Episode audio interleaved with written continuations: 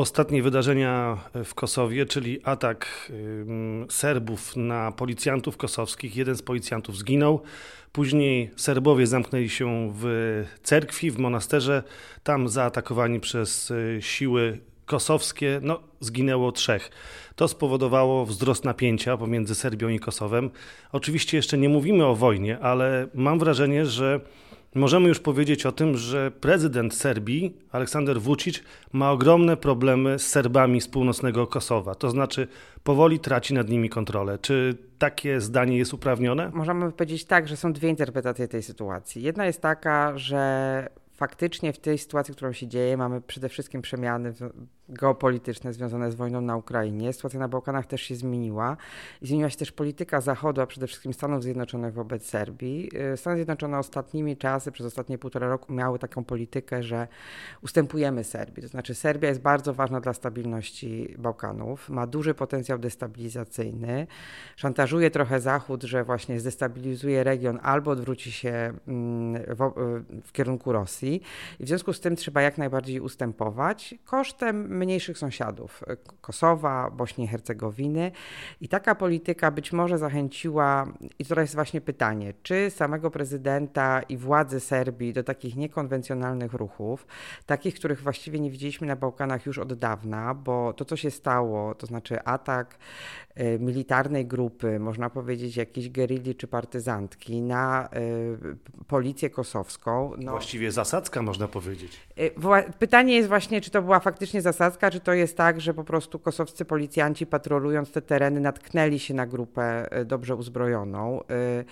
To trzeba też, to też warto podkreślić, że ta ilość broni, która została tam zatrzymana, no to mogłaby służyć do mm, uzbrojenia grupy 300 osób, no więc to nie jest tak. Wprawdzie prezydent e, Vucic powiedział, że mm, można to kupić na, każdy to może kupić. Słyszeliśmy to już narrację raz, wiemy, że nie, to znaczy to, co tam zatrzymano, przede wszystkim jeśli chodzi o ilość, ale też typu zbrojenia typowo wojskowego, granatniki, wyrzutnie, no to bardzo duża ilość granatów ręcznych, y, no to to nie jest coś takiego, co można sobie kupić i każdy to może zrobić, a przede wszystkim też przerzucić y, no, jakimiś szlakami przemytniczymi do drugiego kraju. Funkcjonowanie takich paramilitarnych grup jest niebezpieczne też dla samej Serbii.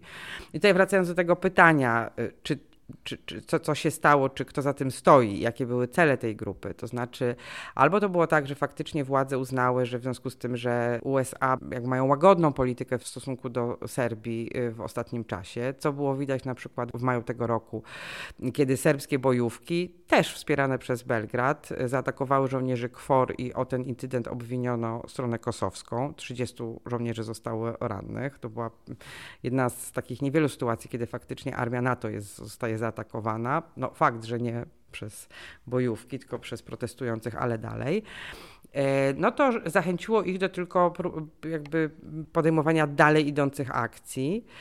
E, albo druga interpretacja jest taka, że ktoś w e, strukturach siłowych Serbii uznał, że to właśnie jest możliwe, że taka po prostu, że to była taka akcja przeprowadzona no, przez osoby nie do końca e, kontrolowane przez Belgrad, czy to właśnie w służbach serbskich, czy po prostu w, w samym Kasowie Północnym. I to też jest niebezpieczne dla samego Vucicia, no bo on też cały czas buduje swoją pozycję, że on jest w stanie kontrolować te grupy przestępcze, bo ty powiedziałeś, że to są Serbowie z północnego Kosowa. Ja powiedział, że to jest bardzo wąska grupa ludzi, która terroryzuje Serbów z Kosowa i kontroluje ich, bo północne Kosowo, te cztery gminy, o których mówimy, zamieszkałe przez mniejszość serbską, to jest taka próżnia prawna, czy taka czarna dziura, powiedziałbym, na mapie Europy, gdzie w tym momencie nie funkcjonują jakby żadne instytucje. Serbowie na polecenie Belgradu w zeszłym roku wycofali się z kosowskich instytucji. Nie ma tam policji, oprócz właśnie tej policji kosowskiej, która jakby próbuje jakiś, w jakiś sposób kontrolować sytuację. Ale ten region właściwie przez ostatnie 10 lat był rządzony przez taką, powiedziałabym, y, specyficzną grupę y,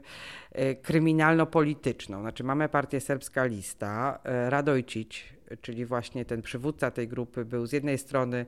Jak... Milan Radojcic już w mediach jest nazywany Jewgenijem Prigozinem Serbii. No, y, nie, nie można powiedzieć, że nie jest to porównanie, które nie, nie jest jakoś tam w jakiś tam sposób uprawnione. On też jakby doszedł do ogromnego majątku, który widzieliśmy na zdjęciu. Okazało się, że ma ogromną willę w Kosowie Północnym, między innymi dzięki kontraktom, przede wszystkim dzięki kontraktom z, z rządem. To jest osoba, która bardzo skorzystała na kontraktach budowlanych, ale też to jest, tu się mówi w serbskich mediach, kontrowersyjny biznesmen. No przede wszystkim to jest przywódca jakby grupy przestępczej, która też się dorobiła na szmuglu różnych rzeczy i też korzystaniu właśnie z tego, że w północnym Kosowie e, tej praworządności, tych, czy tych ich sił, które są w stanie egzekwować prawo, e, e, prawo nie było. Radojcic brał udział w tym ataku na policjantów kosowskich również. Tak, z jednej strony na początku władze serbskie zareagowały w ten sposób, że powiedziały, że nic nie mają z tym wspólnego. Nawet była jakaś sugestia, taki spin wpuszczony do mediów, że grupa ta mówiła po angielsku, no ale okazało się, że Kosowo dysponuje zdjęciami z drona, y, gdzie ten Milan Radojcic właśnie y, no, wiceprzewodniczący partii jest tam obecny, jest y, uzbrojony. Y, próbowano też, później próbowano powiedzieć, że to były zdjęcia z jakiegoś innego okresu. Powiedziałabym, nawet jeśli, to dalej mamy dużą, dużą uzbrojoną grupę w monastyrze. To jakby nie jest normalne to, co się dzieje i, i, i tutaj i kosowskie państwo, i serbskie państwo powinno zareagować.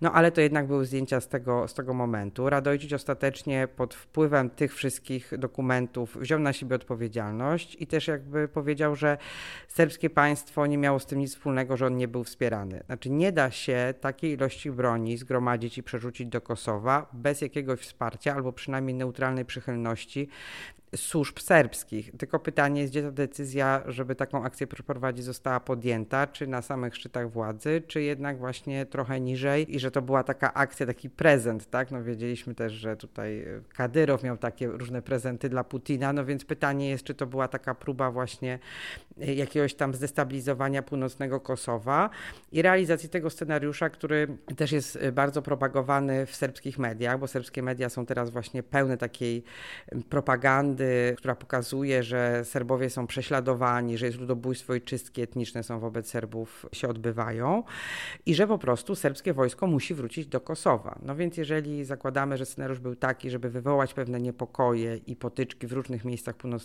Kosowa, no to wtedy serbska armia miałaby pretekst do tego, żeby do tego Kosowa wkroczyć i je przejąć. Amerykanie zwracają uwagę, że Serbia zgromadziła znaczną liczbę żołnierzy wokół granic Kosowa, no, żądając oczywiście, by wycofano tych żołnierzy, by osłabić to napięcie. Czy to rzeczywiście jest tak, że ci żołnierze mogą wkroczyć, używając do tego jakiegokolwiek pretekstu? Ta sytuacja rzeczywiście pachnie wojną w takim razie? Tych oddziałów serbskich na granicy jest bardzo dużo już od, od, dwóch lat co najmniej. To znaczy faktycznie jest tak, że te garnizony przy granicy zostały bardzo mocno wzmocnione i teraz sześć razy w ciągu tego roku, za każdym razem jak się to dzieje w Kosowie, armia jest stawiana w stan gotowości, czyli jest taka pokazówka, że się wyciąga e, sprzęt e, z koszar i to jest bardzo niebezpieczne. Bardzo jest też niebezpieczne to, że sam prezydent Vucic coraz częściej powołuje się na to, że e, porozumienie z Kumanowa z 1999 roku, które kończyło e, starcia w Kosowie, jakby daje prawo e, serbskim wojskom do wkroczenia do Kosowa, jeżeli życie Serbów jest, jest zagrożone, więc to jest takie, powiedziałbym, pompowanie tej narracji. Natomiast no, po drugiej stronie jednak mamy żołnierzy KFOR. I dlatego myślę, że to nigdy nie będzie. Coraz więcej tych żołnierzy zresztą tak. jest przysyłanych. Ostatnio 500 tureckich żołnierzy na to. Yy, tak, teraz już wiemy, że też kontyngent wzmocnią yy, Brytyjczycy, też Rumuni. Pytanie, czy to będzie tak, że oni będą tam, tam na terenie, czy to będą po prostu gotowi do, do wyruszenia do Kosowa na każde polecenie dowództwa. No więc widzimy, że tej armii natowskiej będzie w Kosowie coraz więcej, więc tutaj no, nie będzie to taka wojna klasyczna, tak? Znaczy Serbia jednak leży w środku Europy i raczej nie zdecyduje się się na otwarty atak na Kosowo, bo to oznaczałoby starcie z armią NATO, która jednak jest stabilizatorem bezpieczeństwa i, i, i gwarantem bezpieczeństwa Kosowa. Natomiast właśnie jakieś takie działania hybrydowe, tak jak właśnie być może było to zaplanowane teraz, no, są możliwe. Znaczy ja myślę, że w tym momencie bardzo ostra reakcja całego Zachodu. Bo taka jest już teraz. Nawet. Tak, znaczy to się też zmieniło. Tutaj mieliśmy cały szereg e, polityków amerykańskich, począwszy od sekretarza stanu Blinkena do różnych różnych osób, e, które się zajmują też bezpieczeństwem w admi amerykańskiej administracji, które powiedziały, że, znaczy ewidentnie to jest czerwona linia, znaczy, że Serbowie przekroczyli czerwoną linię. Próbują się teraz, władze serbskie próbują się jakoś z tego wytłumaczyć i odciąć od tego, co się stało i przerzucić odpowiedzialność właściwie na nie wiadomo kogo, znaczy właśnie na jakieś takie bojówki, tylko no, jednak musimy pamiętać, że Milan Radojcic został stworzony przez Aleksandra Wurcicia, jest bardzo bliskim jego przyjacielem, czy współpracownikiem, może przyjacielem to nie jest dobre słowo. No więc to robią osoby najbliższe Vuciciowi. I bardzo też była ostra reakcja Unii Europejskiej, no więc to pokazuje, myślę, że po prostu w najbliższym czasie sytuacja się trochę uspokoi, no bo Serbia też będzie musiała w jakiś tam sposób odbudować swój wizerunek, bo oni zawsze twierdzili, że są konstruktywni chcą pokoju, to Albańczycy, y, czy Albańczycy z Kosowa, kosowski rząd, to on prze do konfliktu, no a teraz no, jednak mamy jasny dowód, że to wcale tak nie do końca jest. I to, co kos kosowskie władze mówiły y, przez cały rok, znaczy, że Serbowie gromadzą broń, że tej broni jest coraz więcej, że serbski rząd y, niby deklaruje konstruktywne podejście, ale tak naprawdę na terenie robi wszystko, żeby sytuacja w Kosowie była coraz bardziej zdestabilizowana, no to już mamy tego po prostu bardzo jasny dowód. Prezydent Vucic powiedział, że on jest y, największą ofiarą tego, co się stało, bo on po prostu tutaj teraz ma naciski z różnych stron. Y, on tak zawsze po prostu próbuje, zawsze, zawsze to jest oni, powiedziałem, te wszystkie sytuacje. Natomiast największym, największą ofiarą tego wszystkiego są Serbowie w Kosowie i też w kosowskiej Mitrowicy, bo to są ci ludzie, którzy żyją w ogromnym napięciu już od ponad roku, kiedy właśnie Belgrad im nakazał wyjście z kosowskich instytucji. Oczywiście, że są też tacy ludzie, których Belgrad w ostatnich latach, właściwie dziesięciu, utrzymywał w takim przekonaniu, że właśnie to wojsko serbskie wróci na Kosowo, tak? Znaczy, że odzyskanie Kosowa jest możliwe, że to jest taka sytuacja tylko tymczasowa i teraz się okazuje, że jednak Belgrad ich instrumentalnie wykorzystuje, że właśnie raczej destabilizuje region i pokazuje swoją siłę, nie, nie, nie, licząc się z tym, że to jest bardzo poważne zagrożenie dla Serbów tam. No bo z jednej strony mieliśmy taką właśnie sytuację, że w tym monasterze byli pielgrzymi i strzelano się, ty powiedziałeś, że to tutaj armia, policja kosowska przystąpiła do szturmu. No nie, to była jednak regularna strzelanina w środku wioski, y, w monasterze, w którym było 40 pielgrzymów, których życie też było zagrożone, bo jeżeli by ci, ci, ta grupa terrorystyczna by się wmieszała w cywilów, no to pytanie jest, co by się stało, tak? Znaczy, czy jakby, jakby się ta sytuacja skończyła. Na szczęście nikt nie zginął ale też jest to bardzo ryzykowne na przykład dla Serbów, którzy mieszkają w wioskach na południu, no bo wiadomo, że napięcie też jest y, bardzo wysokie. Kosowarze też się czują niepewnie, bo też cały czas słyszą o tym zagrożeniu, widzą co się dzieje. No jednak jest to taki dowód, że Serbowie są piątą kolumną, że, że jakby uderzają w instytucje państwa. No i to napięcie jest bardzo poważne. Bardzo dużo ludzi wyjechało z kosowskiej Mitrowicy, czy w ogóle z tych czterech gmin y, w osta ostatnie lato. Właśnie też dlatego, że ludzie nie chcą po prostu już mieszkać w takim napięciu, w takiej sytuacji zawieszenia, że właściwie nie wiadomo, gdzie oni przynależą, czy to jest już Kosowo, czy to jest jeszcze Serbia, czy to już, już Kosowo. I takie incydenty też powodują, że szczególnie ludzie, którzy mają, mają małe dzieci, po prostu nie chcą wychowywać ich w takiej atmosferze. I jak e, serbski prezydent mówi, że e, to jest kampania czy czystka etniczna, którą robią władze Kosowa, no to jednak nie. To ich polityka destabilizacji i podgrzewania napięcia powoduje, że Serbowie wyjeżdżają, bo oni też się boją o swoje życie i nikt ich nie uspokaja. Władze serbskie wręcz ich przekonują do tego, że właśnie mają się bać, tak? Znaczy, że, że właśnie ich życie jest zagrożone. Chociaż też takich incydentów przeciwko serbskiej mniejszości w ostatnich latach e, nie było. Znaczy nikt nie zginął, nie, nie było żadnych ofiar. Oczywiście czasami się zdarzają, e, nie wiem, kłótnie, szarpaniny.